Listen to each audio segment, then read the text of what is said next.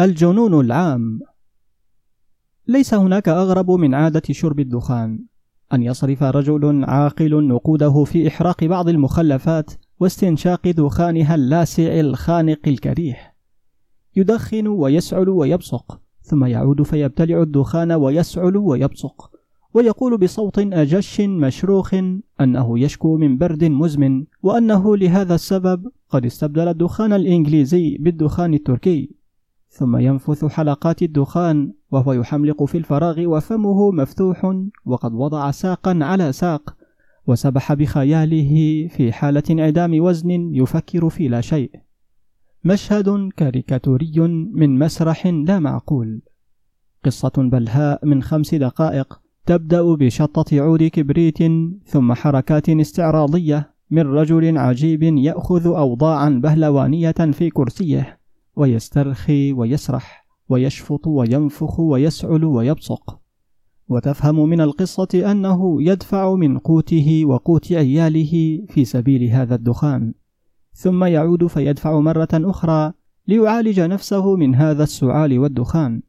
ثم يعود فيدفع مرة ثالثة لينظف أسنانه من أوساخ هذا الدخان.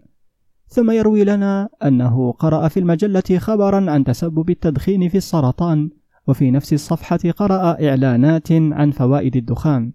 فإذا سألته وماذا ستفعل? قال لك سأستبدل لفافة التبغ بالسيجار أو السيجار بالشيشة أو الشيشة بالجوزة.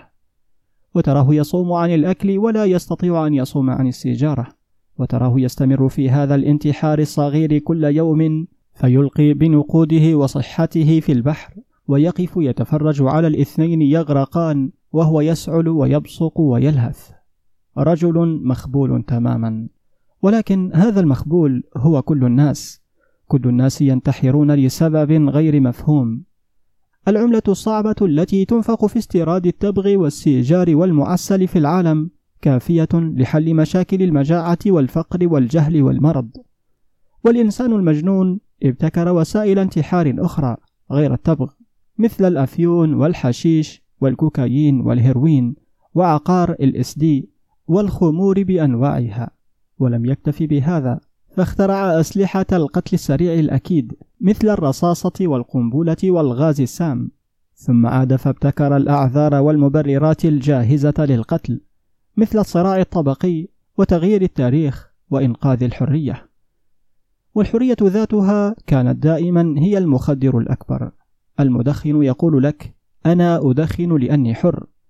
ومدمن المخدرات يقول لك أنا حر والذي يطلق أول رصاصة يطلقها ليكون حرا. ودائما الحرية هي أول ما تجهز عليه هذه الأسلحة.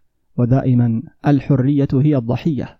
والإنسان القاتل والمقتول هما الضحية.